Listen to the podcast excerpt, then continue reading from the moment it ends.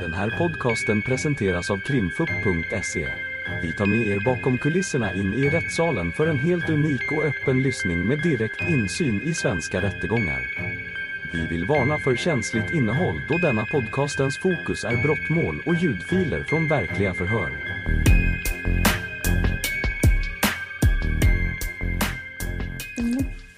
Då har vi vittnesförhör med Maria Järnhagen Forsgren. Varsågod åklagaren och inleda. Ja tack. Ja, först och främst vill jag att du berättar om vad du arbetar med och vilken erfarenhet du har Ja. av det. Jag är barnläkare, specialist i barn och ungdomsmedicin eh, och även specialist i barn och ungdomsneurologi med habilitering. Och jag blev färdig specialist 2008. Jag jobbar som överläkare på Lunds eh, Skånes universitetssjukhus. Och målsäganden det här målet heter ju Zoe. Mm. Ja. Och eh, hur har du, kommer du in i sammanhanget beträffande henne? Jag träffade henne första gången den 27 december.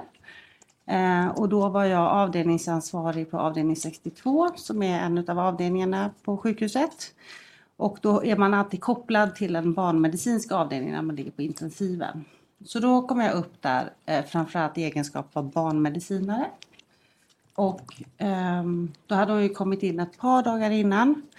Ehm, och vi hjälps ju åt i sådana här akutsituationer när det är mycket organpåverkan och olika symptom och så.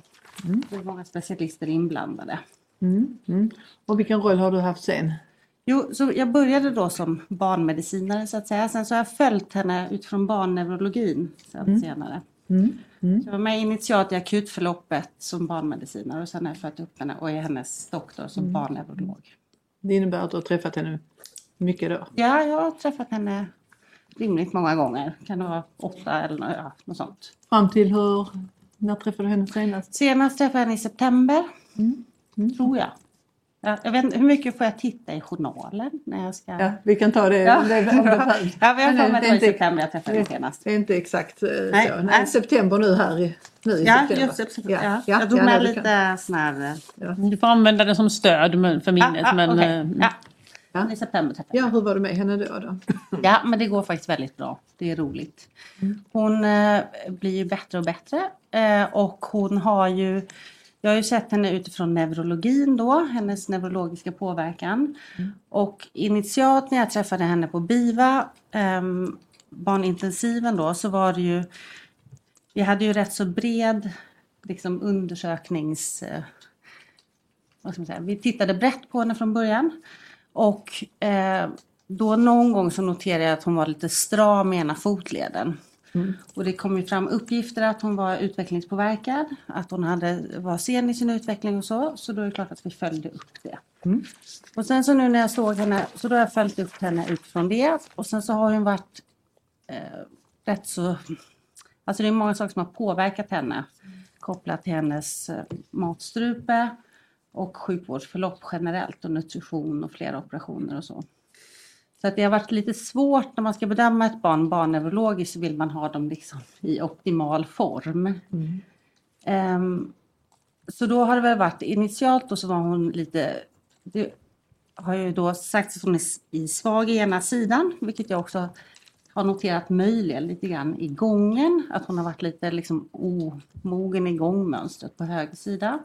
Det har blivit bättre och bättre. Um, och då har vi också då gjort en utredning kopplat till det. Så dels har vi tittat um, på olika metabola tillstånd som kan ge det här och vi har tittat på olika genetiska tillstånd där vi har gjort det som kallas för triohelgenom när man tittar på alla mutationer som finns eh, beskrivna eh, utifrån nu känd eh, genetik kan man säga. Um, och sen så har jag då också gjort en MR-hjärna där vi ser utifrån misstankar på en CP-skada då. Ehm, och en CP-skada då, en cerebral pares, det är ju en inte så ovanligt tillstånd. Det är definitionen på en motorisk påverkan utav en patient som har fått en hjärnskada innan två års ålder. Och den hjärnskadan kan bero på väldigt mycket olika saker. En vanlig sak kan ju vara att man är prematurfödd eller olika infektioner eller så. Ibland också att man får syrebrist i anslutning till förlossningen. Och Ja, nu pratar jag mycket här, Ja, men jag ja, tycker nej, men det är viktigt. det är ja. så, så en CP-skada då, eh, då är det bara en motorisk påverkan. Och då har jag följt henne ut från den misstanken. För att vid en CP-skada så kan du få ledpåverkan och du kan bli spänd i ena sidan. Och du kan ha vissa av de här symptomen som har beskrivits så att hon har varit lite snubblig och lite så. Så då gjorde vi en MR-hjärna som visade då att hon har en gammal skada som sannolikt har kommit väldigt tidigt eh, i förloppet, kanske vecka, ja, när hon föddes, där vid vecka 32 eller något sånt där. Det vill säga innan fullgången tid. Och den påverkar nog motoriken lite grann. Ehm, så då nu när vi såg sist så bestämde vi oss, då är det så att en CP-skada kan ha väldigt olika symptom. Och det är bara en motorikpåverkan som det beskrivs med en CP-skada. Det vill säga inte den intellektuella förmågan, inte förmågan att interagera eh, socialt och så som vid autism och så, utan det är bara motoriken. Mm. För det var det jag tänkte fråga dig, att det har ju påståtts här att hon har en hjärnskada i form av en intellektuell funktionsnedsättning. Och vad säger du återigen om det? Du? Nej, vi ser inga tecken på det. Det jag har bedömt så tycker jag att hon är normalt kognitivt men hon har en liten motorikpåverkan i ena foten. Mm. Och den motorikpåverkan är, hur ser den ut idag den påverkan? Ehm, ja, sist jag såg henne var hon ute och sprang i korridoren. Kanske lite asymmetriskt. Ibland när man springer så kommer ena handen upp om du har en, en halvsida. Alltså på ena sidan. Ehm, så det är väldigt diskret. Jag tänker att det här är... eh, hon är också i en ålder nu när man kanske inte har så mycket symptom. Men jag tänker att det här kommer inte vara en stor grej för henne. Men hon kommer nog ha kvar en liten motorikpåverkan i sin, sin fot. Mm. fall. Och kanske sin hand. Hur bedömer du henne i övrigt när du träffar henne och pratar med henne? Nej, hon är fin. Hon är fin kontakt, hon är duktig, hon har börjat skriva sitt namn. Eh, Hon gillar att gå i skolan. Eh, Hon svarar adekvat på frågor och hon hoppar upp och ner ur sängen och så. Mm. Det har påståtts att hon har ett självskadebeteende. Är det någonting du har sett? Nej, det har jag inte sett. Vi har utrett henne också lite med tanke på det.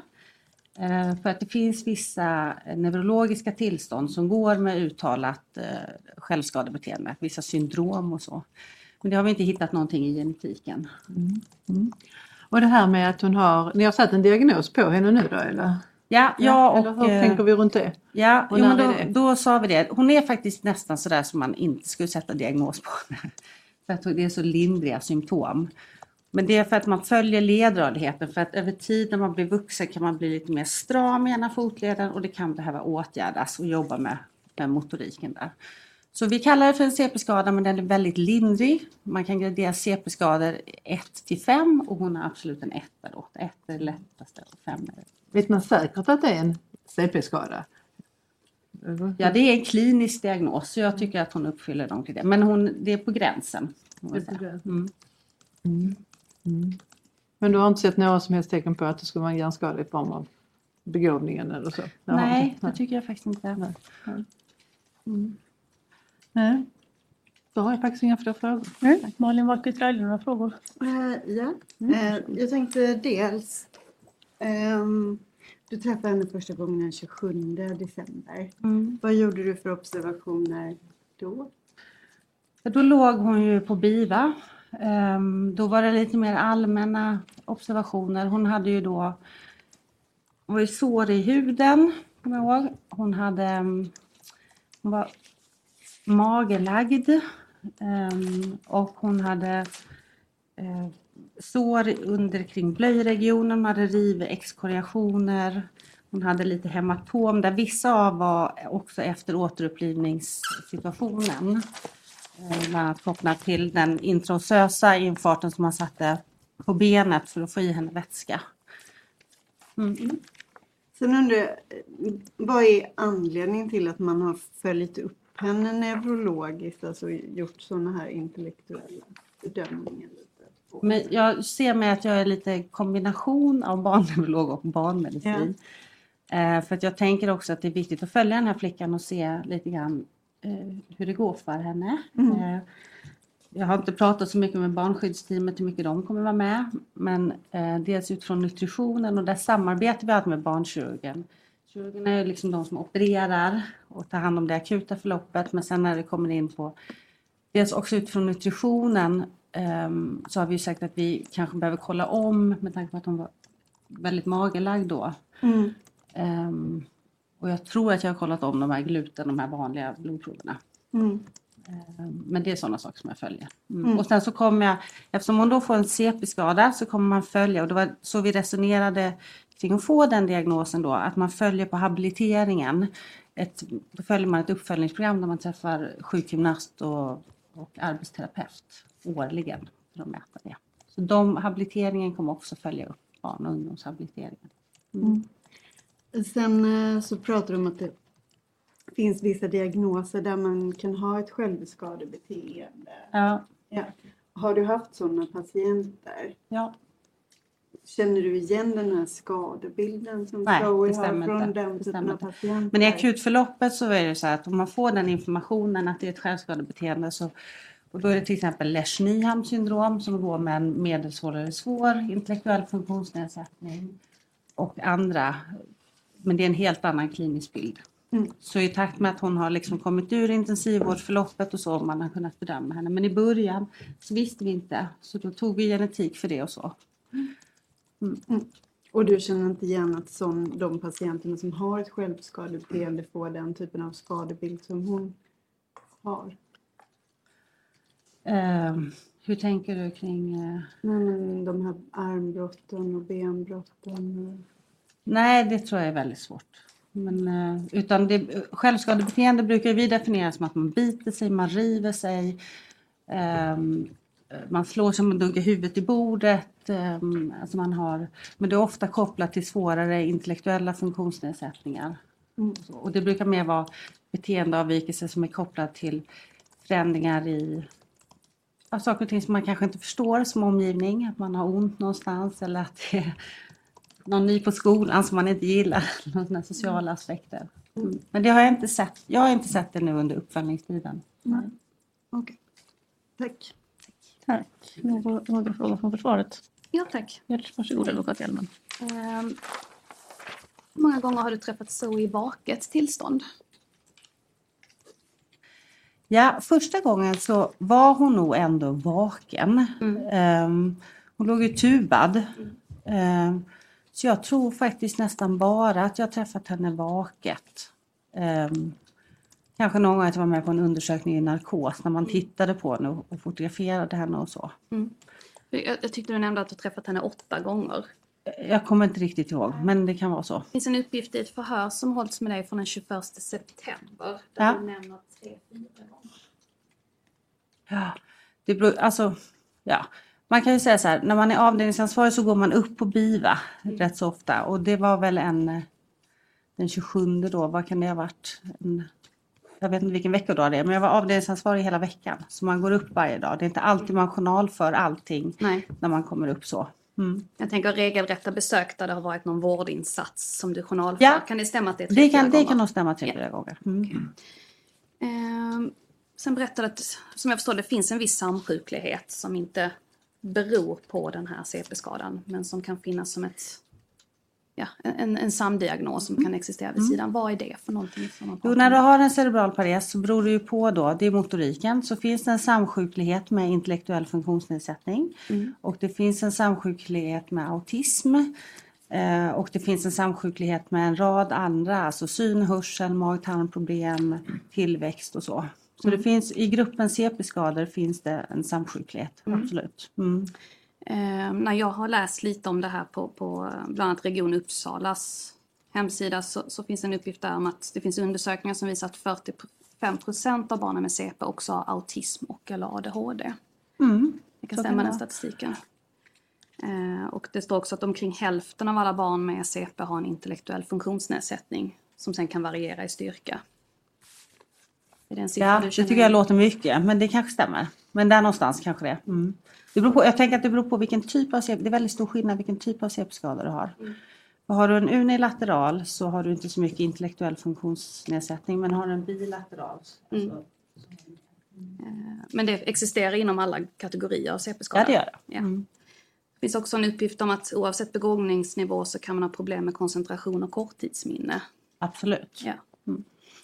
Och där kan jag säga också att vi har ju inte varit alltså, i om Zoe skulle kunna ha det sen eh, så tänker jag att det är en sak som man får följa. Men än så länge har vi inte, jag har inte noterat det, att det har varit i sån stor utsträckning. Och jag tänker att det har varit så turbulent kring henne. Så det är väldigt svårt att utreda det just nu. Mm. Och just koncentrationssvårigheter och autism och så är vanligt förekommande i befolkningen generellt. Mm. Känner du till hur det är om man har ett syskon som har autism? Är det någonting som kan ge en ökad risk för att även ett... Ja, det finns, eh, jag kan inte procentsatserna, men det finns en ökad risk för autism om det finns i familjen. Mm. Hos föräldrar och syskon. Mm. Au- Autism är ju en kriteriediagnos, precis som samma sätt som intellektuell funktionsnedsättning uppfyller vissa kriterier eh, kopplat till den sociala interaktionen och så. Vet du vilken ålder som man får diagnosen autism om man har det? Eh, de riktigt små med uttalade bekymmer får det vid ett och ett halvt, två års ålder. Och sen så kan man få det hela vägen upp. Och det brukar vara så att har du beroende på hur du tillrättalägger din tillvaro så får du mer eller mindre symptom. Det finns ju liksom att man kan, om du, du behöver en tydlig förutsägbarhet vid autism för att förstå saker och ting. Och har du det då i din vardag så kanske inte symptomen visar sig så mycket utan symptomen visar sig mer när man man kommer i nya miljöer eller att bli stökigare. Mm. Så det kan vara en fluktuation över livet också. Och sen så kan man ha, det ska ju, för att få diagnosen autism så ska man ha det i betydande grad. Det vill säga att vi an, alla har ju liksom lite drag Mm. av så, men det ska vara uttalade Ja. bekymmer. Mm. Men är det rätt att det finns de som, som går hela livet utan att få diagnosen eller får det väldigt sent i livet? Ja, så är det. Mm. Och miljö och har stor påverkan och bemötande. Ja, det gör det. Finns det andra kroppsliga bekymmer utöver motoriken som kan vara kopplat till cerebral pares? Ja. Det finns synnedsättning, hörselnedsättning, eh, nutritionssvårigheter. Mm. Det finns eh, förstoppningsproblem, gastroesophageal reflux. Ehm, Reflux, vad är... alltså att du får kräker. Mm. okej. Och vad beror det på? Det beror, alltså om du tänker dig hjärnan eh, så är ju det liksom huvudkontoret som styr alla nervtrådar. Man brukar säga att eh, mag-tarmkanalen är ett väldigt stort neurologiskt organ. Mm. Så har du, du har väldigt mycket nervtrådar som även går till mag-tarmkanalen. Mm. Så har du en, en eh, motorisk påverkan så är det också vanligt att du har förstoppningsproblem. Alltså att du är för långsam med din tarmmobilitet och att du kan ha lite reflux också. Mm. Och reflux, är det att, som jag förstått det, är att surt innehåll på magsäcken kan Ja. komma upp. Ja, det är det. Och det innebär det att man får sämre lust att äta då? Eller hur kan det Ja, påverka? ja, det kan det göra och man kan ha ont av det, absolut. Mm. Okej. Ja, då känner jag mig nöjd. Tack så mycket. Advokat Elfington? Nej. Mm. Och jag har inte heller några frågor så därmed är förhöret slut och vi stänger. Ja, då har vi vittnesförhör med Nina Nilsson. Varsågod åklagaren. Ja tack. Ja, eh, jag har åberopat för mig dig för att du är en del i en pusselbit i det stora sammanhanget. Och eh, först vill jag att du berättar för oss vad du arbetar med. Jag arbetar som verksamhetschef på LSS-boende och daglig verksamhet. Och i den eh, verksamheten vet jag ju att du har eh, haft kontakt med Daniel Inqvist. Det stämmer. Ja, berätta om det. Vilket, I vilket sammanhang då? Daniel Inkvist var timvikarie och på ett kort vikariat hos oss. Och jobb, vad jobbade han med då? Ehm, först i ett boende som stöd till brukare och sen på den dagliga verksamheten i utegruppen. Och vad innebär det att det är en daglig verksamhet? En daglig verksamhet är där eh, personer med speciella funktionsnedsättningar eh, och eh, som har rättigheter till LSS-lagen har sin dagliga sysselsättning, sitt arbete. Och som personal är du med och stöttar brukarna där stöd behövs och finns. Och kan göra vad då till exempel? Eh, I, det, ja, I den utegruppen så är det hugga ved, eh, hämta ved, kratta löv, skotta snö, plocka ogräs, Var han i utegruppen då? Daniel? Om jag minns rätt så mestadels ja. Mm. Ja, och eh, du kommer in i sammanhanget för att det har ju framkommit här i utredningen att eh, det var du som ringde till, eller tog kontakt i alla fall, jag kommer inte, vet inte på vilket sätt, med socialtjänsten. Stämmer. Ja. Kan du berätta lite grann hur det kommer sig att du gjorde det? Jag eh, var på mitt barnbarns kalas Vilken dag då? lördagen. Hon fyller år den 5 januari så detta var lördagen. Så nu kommer jag inte ihåg vilken dag den femte var, veckodag den femte var, men 20, eh, alltså nu, 2023, inte nu, 2023. Jag tror det var den 7 januari, lördagen den 7 januari 2023. Var jag på mitt barnbarns kalas. Eh, och det var, eh, det var jättemånga inbjudna. Vuxna med sina barn. Eh, och vad var det du frågade Ja, om? ja precis. Så det kom sig att du tog kontakt med socialtjänsten. Ja, där var bland annat en... Eh, vi pratade, alla pratade med alla och det var stimmigt, barnen sprang runt och lekte och, och sen var det en, ett gäng som satt i soffan och stod vid sidan om och pratade allmänt och jag sällade mig till gänget och då var det någon som nämnde eh, etika. Och det var det som var, då kom det in på det här att en liten flicka hade fått i sig etika. Och då är det en i gänget som säger Äsch, det där var ingen tillfällighet. Det, det är inte ordagrant, för jag kan inte, jag kan inte komma ihåg ordagrant vad jag sa. Men det som jag ringde och pratade med socialförvaltningen om, eller social i Eslöv, det var ju det som jag hade färskt i minnet, för det var bara någon dag senare jag gjorde detta. Men det var någonting i stil med att det var ingen tillfällighet utan den flickan hade alltid blivit annorlunda behandlad jämfört med sina syskon. Något i den stilen. Och vad fick dig att ringa till socialtjänsten? Därför att eh, personen i fråga eh, nämnde också ett rum eh, där det hade varit, det såg ut, jag säger inte heller om det var exakt det ordet han hade, men min hjärna fick det till en fängelsehåla. Typ att det, var- det var någon, någon som inte skulle befinna sig utanför det rummet. Som inte skulle kunna ta sig ut. Och vad är det du säger till socialtjänsten när du ringer? Vad har du i huvudet när du ringer dit? Vad är det du säger? Vad jag säger är att jag, eh, jag vill lämna över information som har fått mig att må jättedåligt.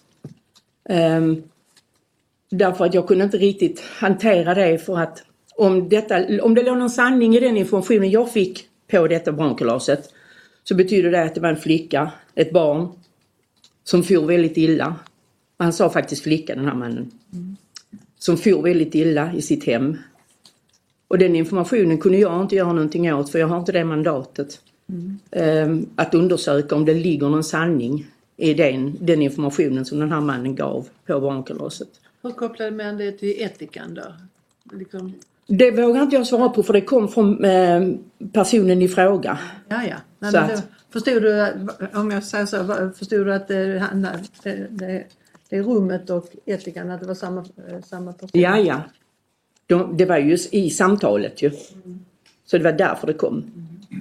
Och hur kom Daniel Lindqvist då in i... Visste du att det var han som berördes då? Inte just då. Nej.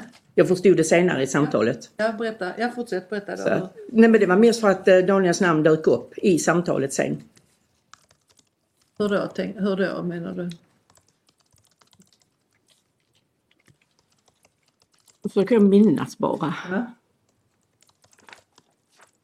Eller om man säger så, du, du är på ett barnkalas. Mm. Har du någon, och du har varit chef för Daniel Lindqvist, har du någon aning när du åker till barnkalaset att, han skulle vara, att det skulle vara någonting med honom? Nej, Något- gud nej. Något särskilt? Nej.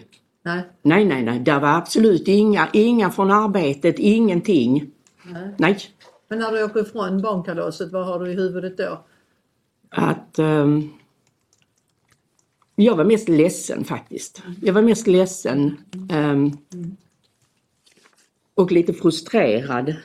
För det kändes eh, som att jag hade fått någonting till mig som kändes jobbigt. Men när du åker från barnkalaset eller när du gör, gör anmälan, Mm. eh, har du Daniel Lindqvist i åtanke då eller bara helt allmänt? Nej, då hade jag, eftersom det hade framkommit i samtalet efterhand. Så att det hade jag då. När träffade du sen eh, i tiden dessförinnan? Hade du träffat Daniel Lindqvist eh, in, i anslutning till detta innan. Oj. Ja, nej, det kan vara inte så lätt för dig att komma Nej, det är nog inte så lätt. Nej, ehm, jag, tänker på om du hade träffat honom och han hade, fått, och han hade berättat någonting för dig om något sjukt barn eller så. Inte någonting du kan komma ihåg. Det enda var när vi, eh, vi var och hämtade nycklarna till jobb. Det är det jag tänker på. Ja. Ja, För det är det du har berättat om. jag och min biträdande var och hämtade nyckelknipan till jobb. Eh, Varför gjorde ni det? Varför hämtade ni på nyckelknippan? Därför att, alltså, det, beslut, det fanns liksom inte arbete till Daniel mer överhuvudtaget. Alltså, det var inte relevant att Daniel skulle förlängas. Eh, och det hade liksom kommit under full redan innan. För det var ju typ bara ett vikariat. Och, eh, och den nyckeln, den behövdes i verksamheten. Så vi behövde hämta den och den kom liksom inte till oss. Man brukar lämna dem ju ganska omgående ju. Var hämtade ni nyckeln? I Löberöd. I, hemma hos honom eller? Eh, för att vi fick stanna utanför. Vi satt och väntade utanför Och i bilen. hur gick det till då? Ehm, jag hade smsat med Daniel om att vi var på plats och att han skulle komma ut. Han hade ett viktigt samtal. Han kommer ut. Eh, och har nyckeln med sig.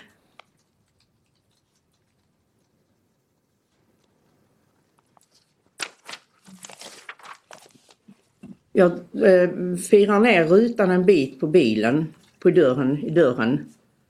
Det var inte jag som körde, det var min kollega som körde. Eller min biträdande och jag satt vid sidan om. Och han kommer bort till bilen. Och säger att eh, det är en jobbig situation. Något i stil med att det är en tuff situation nu. Men att det var ingenting, alltså det var ingen fara för han hade en bra advokat.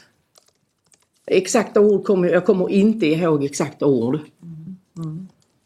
Ja, om jag tittar i ditt, nej det är inte så lätt för dig att komma ihåg datum och så här i efterhand och sätta in ditt sammanhang. Men eh, det är ja, nu har jag inte skrivit ner aktbilagan här men det är den som kallas övriga vittnen hos oss. Eh, Vi ser vad vi har. och det är på sidan 46. Till 202. 202, tack. Mm, vilka sa du? 202. 202 ska jag skriva på det där. Och på vilken eh, sida var vi?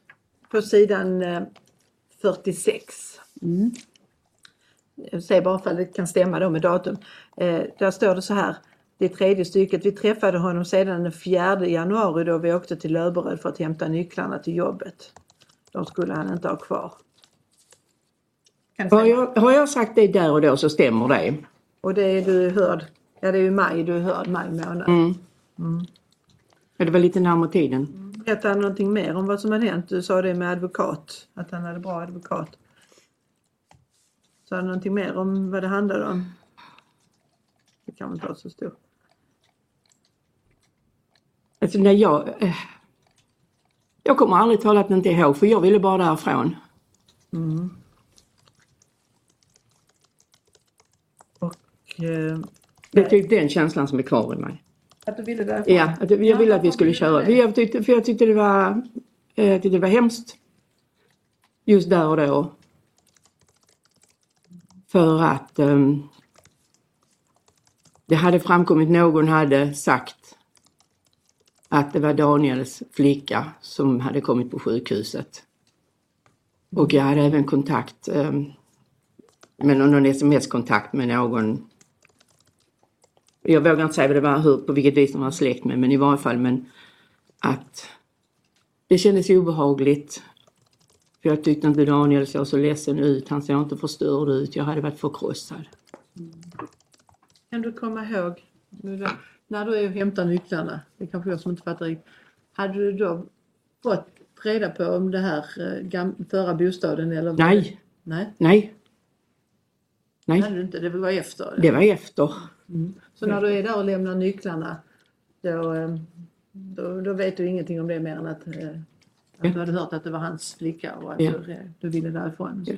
Och sen är du på barnkalas och så får du reda på detta och sen ringer du till socialtjänsten och berättar om, ja. Ja, Nej, bara så vi har fått Ja. kronologin här. Mm. Kan det stämma? jag brukar skriva allting i min bok. Ja, nej, men det, nej, jag är mest... eh, jag ska bara säga här, jag har inte så mycket mer frågor till det. Mm.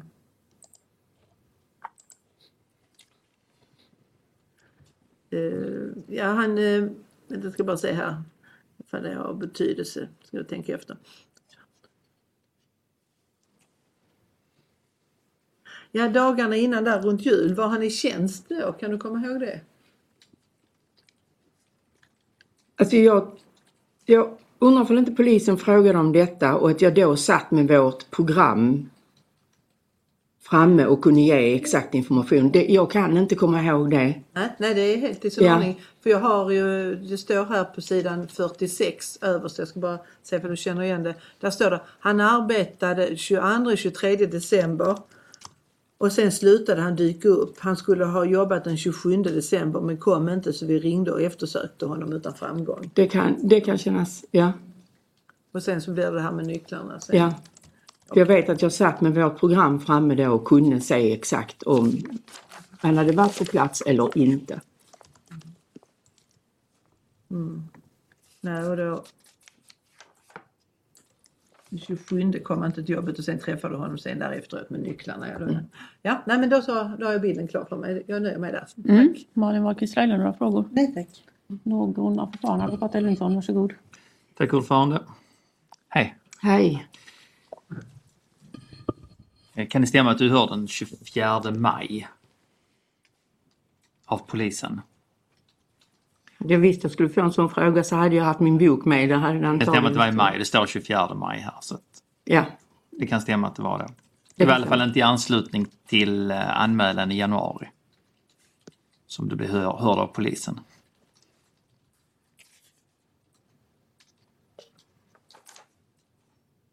Alltså jag vill minnas att jag har pratat med någon från polisen vid två tillfällen men jag kan ha fel i det. Men eh, så jag, jag vågar inte säga, jag vågar inte säga någonting om det. Jag har bara en uppgift. Ja.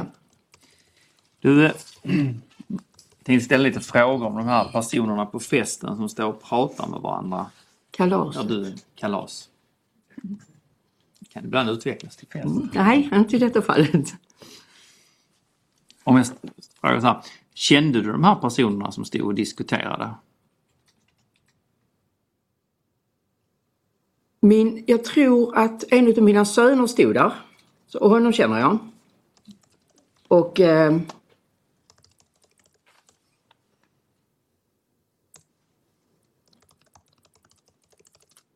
Jag försöker bara framkalla en bild på möjligtvis vem som skulle mer kunna varit där. Och sen var det två som jag inte kände. Och sen stod min svärdotter en liten bit ifrån. Och sen var det lite andra folk i rummet också men inte just precis exakt vid oss. Mm. Sen pratas det ju, eller du har ju nämnt här att de hyrde det här huset. Känner du till det? Där det här rummet ska vara, att huset ska vara hyrt.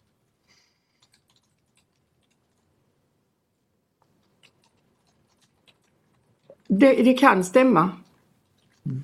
Jag är väldigt osäker, så det är väldigt långt bak. Har du varit i kontakt med han som har huset? Nej. Alltså... Hur menar du i kontakt? För jag har, alltså jag har inte varit i kontakt. Det var, all den informationen jag har den fick jag i detta samtalet. På barnkalaset. Du vet inte vem det är som gav den informationen? Jo. Jag vet ju vem det är ju. Men det är ingen person jag känner. Vad hette han då? Vad heter? Daniel, också i förnamn. Har han ett efternamn? Ja, jag försöker komma på det.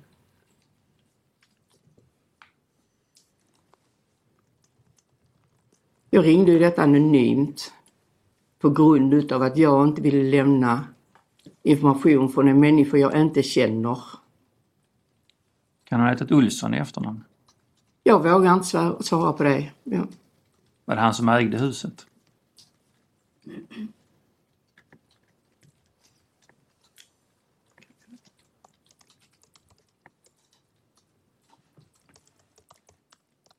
Kan vara så att det framkom där men det, i så fall är det väl i min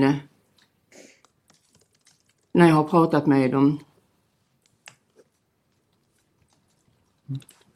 Jag har inga fler frågor tack. Nej. Tack så mycket. Advokat Hjalmar, några frågor? Nej tack. Bara så att jag förstår krono- kronologin rätt, precis som åklagaren var inne på, så vi får det i rätt ordning. Eh, om jag uppfattade rätt så var det så att du var hämtade de här nycklarna före det att kalaset var.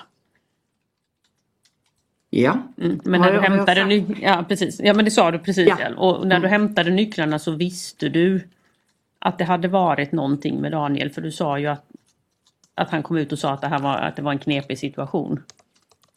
Men att han hade en bra advokat. Nej. Ja, visste Ja. du då innan att det var någonting som hade hänt kring honom? ja det var någon som hade googlat på det på jobb som kom och Okej. berättade för mig. Ja, så att du hade viss information redan där. Och sen var det här Ja, men inte mer än men så. inte mer än så. Nej, Men sen var nej. det här kalaset. Och då var det de här personerna som stod och pratade och då har du beskrivit vad de pratade om. Och efter det gjorde du din anmälan till socialtjänsten. Jag funderade faktiskt en liten stund för att jag visste inte hur jag skulle re alla mina tankar kring det. Men så jag Men- gjorde absolut Ja. det jag säger till personen där. Det var Till fast polisen, in- inte till socialtjänsten utan anmälde till polisen. Nu var det jag som använde fel ord. Nej, Nej, det var socialtjänsten. Det var Social- så, nej. ja, ja, då hade jag inte fel i alla fall. Nej, socialen i Eslöv ringde jag. Du ringde anonymt. precis, Ja, så var det. Ja, och det gjorde du efter kalaset helt Ja, enkelt. det gjorde jag. Ja, men då har jag fått Mm. rätt ordning på det. Inga ytterligare frågor? Nej. I så fall är förhöret slut. Vi stänger av inspelningen och tackar. Ja, då har vi vittnesförhör med Mina Dolosik och varsågod åklagaren inleda. Ja, eh, berätta först om vad du arbetar med och vilken erfarenhet du har inom det arbetet. Ja, eh, idag arbetar jag som sjuksköterska på barnakuten i Lund. Eh, pluggade i Lund till sjuksköterska och jobbat två somrar som eh, undersköterska i Halmstad och även en sommar som undersköterska i Lund på barnakuten. Och du ska ju höra som dina upplevelser här förra julen, julaftons morgon. Och vid den tiden var du undersköterska, eller? Det ska rätt. Du har tagit examen därefter. Ja. Mm. Och eh, eh, då, eh, jag ska be dig att med egna ord berätta om vad du upplevde och vad du fick till. Vad är det som händer från början? Vilka, vad gjorde du vad hade du för tjänst? eh, Vad var dina arbetsuppgifter den här? Eh, Då jobbade jag som undersköterska. Jag var timanställd. Det var juletid och ja, det var strax innan examen för min del. Mm. Och vad händer den här dagen? Eller natten, är det ju. Natten. Jag, Mm. jag vet inte, det var vid fyra tiden. Det är svårt när man jobbar natt och många nätter i rad. Då vet man inte riktigt exakt vad klockan är hela Mm. tiden. Men där runt fyra tiden så kommer det in ett barn, eh, en man som bär på ett barn. In genom våra stängda portar. Eh, Och kommer upp till oss, ringer på klockan, vi öppnar dörren. eh, Som vi brukar göra. Eh, barnet har en filt över sig och då tänker vi att eh, men, vi börjar som vi brukar börja. Vi går in i ett triagerum. Eftersom föräldern var väldigt lugn så tänker vi att då går vi in där och börjar där som vi alltid gör. Är du själv eller du, har du någon med dig? Jag har Mia med mig. Mia? Hon heter Maria egentligen. Men Mia hon är sjuksköterska. För man är alltid två när man bedömer och triagerar. Så Mia följer med mig in i rummet med flickan och föräldern. Eh, Mia sätter sig vid datorn bakom mig. För att hon ska dokumentera och skriva in barnet. Eh, och föräldern lägger barnet ner på britsen framför mig. Och sen sätter sig till höger om mig i en stol. Medan jag då ska börja ta lite kontroller. Som vi alltid brukar göra. Vi ska ta en saturation och vi ska ta puls och andningsfrekvens och allt möjligt. Eh, och det jag minns då är att att barnet är väldigt eh, kallt.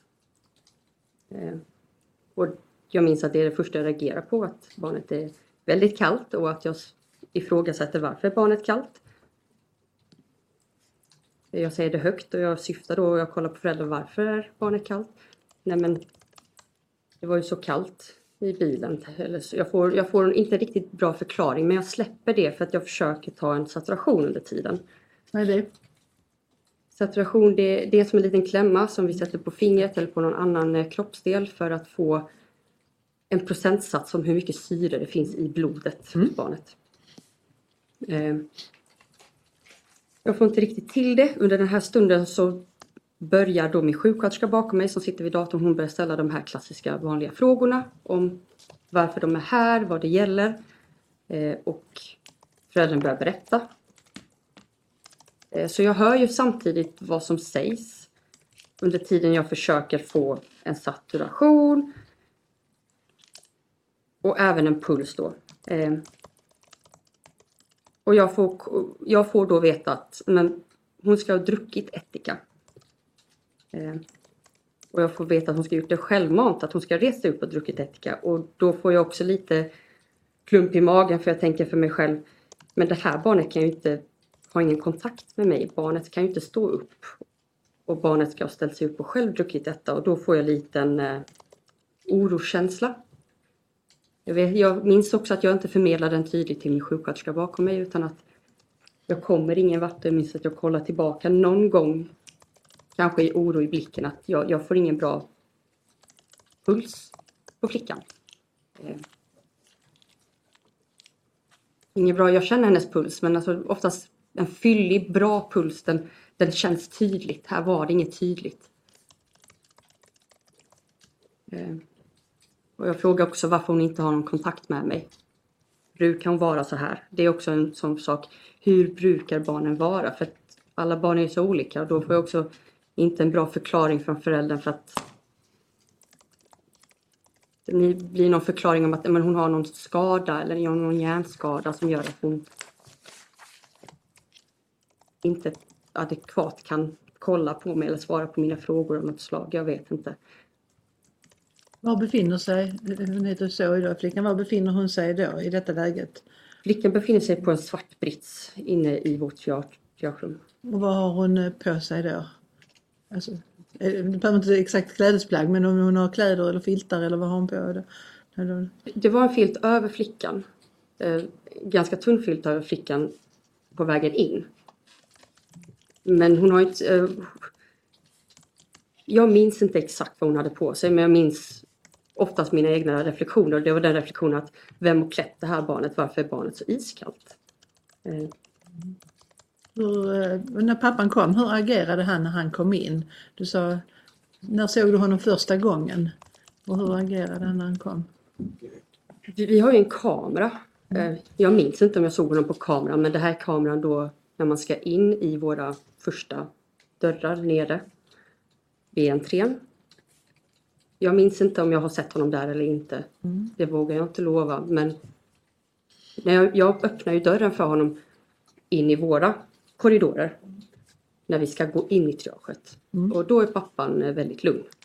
Väldigt lugn. Hur agerar han? Väldigt lugn på vilket sätt? Han går med lugna steg. Säger inte så mycket. Går in lugnt. Vi säger att ja, men, här kan du sätta dig. Han lägger flickan ner på britsen. Och han sätter sig där. Han... Eh, eh jag har liksom aldrig träffat ett så sjukt barn utan att föräldrar signalerar att något är fel med mitt barn. Jag fick ingen sån signal. Mm. Jag fortsätter, står du här vid britsen och du har sjuksköterskan bakom dig och du får fortsätt därifrån. Därifrån så... Ja, jag, jag, jag får ingen kontakt riktigt. Alltså, jag känner att Zoe, flickan, öppnar ögonen någon gång men inte riktigt. Och i stunden så vet jag inte hur länge jag står där men det känns väl kanske som en evighet i mitt huvud men det kanske det inte var. Men jag minns också att sjuksköterskan bakom mig, Mia då, kommer fram. För jag kände att jag, jag behöver hjälp med att bedöma det här barnet. Jag, jag har aldrig sett det här tidigare. Jag har ju sett sjuka barn som behöver vård för att inte dö inom kort. Men jag har aldrig sett ett döende barn. Mm. Mm. Ja, vad händer sen? Mia försöker väl... Mia kollar på barnet. Försöker också få en överblick över hur ser barnet ut. Och snabbt fattar hon beslutet att eh, vi måste larma, vi måste in på akutrummet nu. Så... Jag vet inte, jag tror att det är hon som säger kanske till pappan eller hur det blir, men pappan lyfter upp flickan. Och då säger jag följ efter mig, för vi ska in på akutrummet. Eh, och lägg flickan ner på, akutbritsen, eller på britsen i akutrummet. Och anledningen varför vi ska vara där är för att där har vi all ut- utrustning att faktiskt hjälpa någon som är akut dålig. Och vad händer sen? Berätta så långt du kan. Av det. Så, Ja. länge du är, så länge du är med. Så länge jag är med. Eh, under den tiden så har mina kollegor då också storlarmat, larmat livshotande tillstånd vad jag minns. Eh, jag säger till pappan, du kan sitta här för vi har faktiskt en stol där anhöriga kan få vara med inne på akutrummet under tiden vi arbetar på barnet. Och eh, det som händer är att eh, alla börjar sysselsätta sig med någonting. Försöker ta en saturation, hämta värmefiltar. Eh, larmteamet kommer, tar över delvis. Eh, under tiden så försöker vi hämta våra sådana här eh, värmekuddar som man kan liksom spräcka och så värms de ganska mycket för att ha det i sängen med flickan. Hon var väldigt nedkyld. Eh, när, det, när de tar slut, för vi har inte oändligt många, så fyller jag, vatt, eller jag fyller plasthandskar med väldigt varmt vatten för att sätta i sängen bredvid flickan. Jag och Lisette, som är den andra undersköterskan, gör det samtidigt. Rummet fylldes väldigt fort på med många olika professioner och individer som skulle hjälpa till. Och eh, under några tillfällen så vet jag att jag går fram till pappan och sätter en hand på min axel, som jag brukar göra för att det är väldigt jobbigt att vara anhörig när barn är väldigt dåliga. Eh, och jag försöker berätta vad vi gör, helt enkelt, för att de ska ha information om vad är det som händer med barnet, för det är många som vill åt barnet. Mm, det är mycket, det är mycket som händer, och speciellt när man är ny. Ehm, efter ett tag så också berättar jag att, för att jag, jag hör ju på att de har fattat ett beslut att de ska borra en intravenös infart och jag vet att det här kan upplevas obehagligt så jag berättar det för pappan att de ska borra en infart i benet. Det här, flickan kommer få bedövning, det, det ska inte göra ont. Eh, de måste göra detta. Eh, han, han säger inte så mycket på det, han säger bara att han har haft sjuka barn innan och att det inte känns så jobbigt. Jag frågar om något behövs, för ibland kanske man behöver att man går undan en liten stund och andas för sig själv eller att man ja, behöver dricka något väldigt sött för att man inte ska få blodsockerfall och svimma. Det jag minns väldigt tydligt är att pappan ber om, om att få dricka något och ta en macka. Och fort avfärdar jag det och tänker att där, där, jag kommer inte hinna springa till köket och ta en macka under tiden vi håller på att hålla ett barn vid liv. Så vi har ett litet pentry precis vid akutrummet. Jag går dit, fyller på saft. Räcker det till pappan och säger din macka får vänta för att jag har inte tid. Hur, eh, hur är pappan då under tiden? Hur reagerar han? Vad gör han?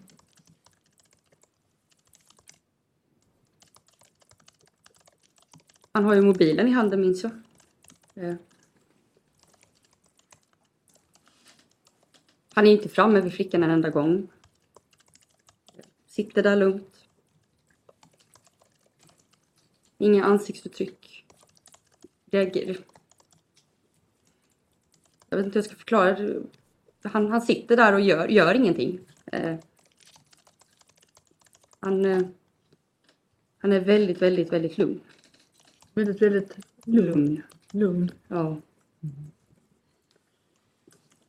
Kan du beskriva kontakterna med, dina kontakter med Zoe? Hur var hon? Du var inne på det.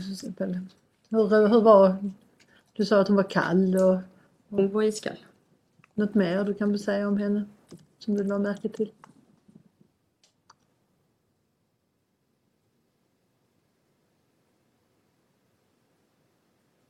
Tanig flicka. Nej, alltså jag, har- jag har tänkt för mycket. Jag, jag minns att hon var väldigt, väldigt kall och att Jag minns att hon var väldigt kall. Det är... eh, Och eh, medvetandet, hur var det med det sa du? Hon var inte... Jag såg ögonlocken öppna sig någon gång men alltså det, det fanns ingen eh, kontakt i blicken. Det var inte ett barn som kände som att det var med alls. Utan eh, hon svävade från att vara väldigt medvetslös till att kanske försöka röra kroppen på något sätt. Ja, Gav hon något ljud ifrån sig eller så? Som- Jag minns inget av det. Nej, jag, inte vad jag minns. Hur upplevde du själv hela den här situationen? Jag tänkte, Ehm, I stunden så upplevde jag den som... När jag insåg så illa det var att då upplevde jag den väldigt urakut. Eh, jag upplevde den som att vi var helt oförberedda. Att, eh, ett sånt barn hade ju kommit med ambulans och då har vi alltid tid att samla oss lite och förbereda lite. Prata ihop oss med teamet det, det kom väl lite som en eh, chock eller som en negativ överraskning. mm. Så han kommer in med barnet, bärandes på barnet då? Mm. Med Zoe då ja. Och den första, det var jag som, nu tappar jag bort mig här. Den första, vad, vad var det första som händer när han kom till sjukhuset? Lämnar han över barnet direkt eller sitter han och väntar eller vad sa du? Eh, när man kommer in genom entrén nere Ja. i, till barnakuten så kan man ta en hiss eller så kan man ta trapporna upp för oss. Sen när man går genom hallen så kommer man först in till huvudöppningen in till dörrarna för att komma in i våra korridorer. Eh, man trycker på knappen där. Och då hör vi det så jag trycker på en knapp och öppnar. Det är såna här liksom automatiska dörrar som öppnas av sig själva. Så han står framför mig och jag säger till honom, följ med mig här. Eh, Han, han följer med oss in i Ja, Signalerar han på något vis att någonting kunde vara akut eller så? absolut inte. För då hade vi... Nej, han signalerar inte att något är akut. Om jag förstår det hela rätt så är det när Zoe ligger framför dig på den här britsen och du har sjuksköterskan bakom dig och du märker att du inte får. Det är då du börjar tänka att det är illa eller? Är det så man... Ja. Mm. Det, Okay. jag tänker inte på det i första sekunden för att jag upplever att jag blir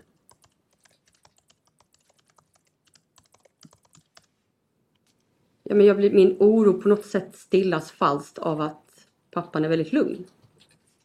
För jag tänker att om, om, om den här förklaringen stämmer att hon har en funktionsskada då kanske hon inte brukar kunna prata. Eller vad jag nu tror. Men eh, efter eh, några sekunder där jag inser att oavsett vilken story som kommer att så är flickan ganska dålig. Och det förstår jag.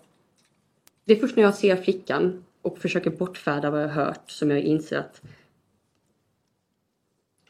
det är inte bra. Hon måste, någonting stämmer inte. Och hur lång tid dröjer det sen ungefär innan ni larmar? Lar, alltså man tänker... Ingen aning. Mia kanske också kommer fram och är där. En, Mia sjuksköterskan då är också där några 20-30 det, det är så svårt att uppskatta exakt tid för att för att man minns inte det i stunden. Men ganska så fort så så är vi ur det här triagerummet på väg in till akutrummet och larmar. Och ganska fort kom också larmteamet. Ja tack, då har jag inga fler frågor. Nej, Malin Wahlqvist Reijlund, några frågor? Nej, tack. Nej. Några frågor från försvaret? Jag har inga frågor. Advokat Ellington har några frågor. Jag har bara en fråga. Varsågod. Hej. Du sa att ni var helt oförberedda på detta. Ja. Du har inte fått någon information om att det hade ringts ett samtal in där en pappa berättar att han är på väg in med en sjuk flicka. Jag har inget minne av det. Men Tack så mycket.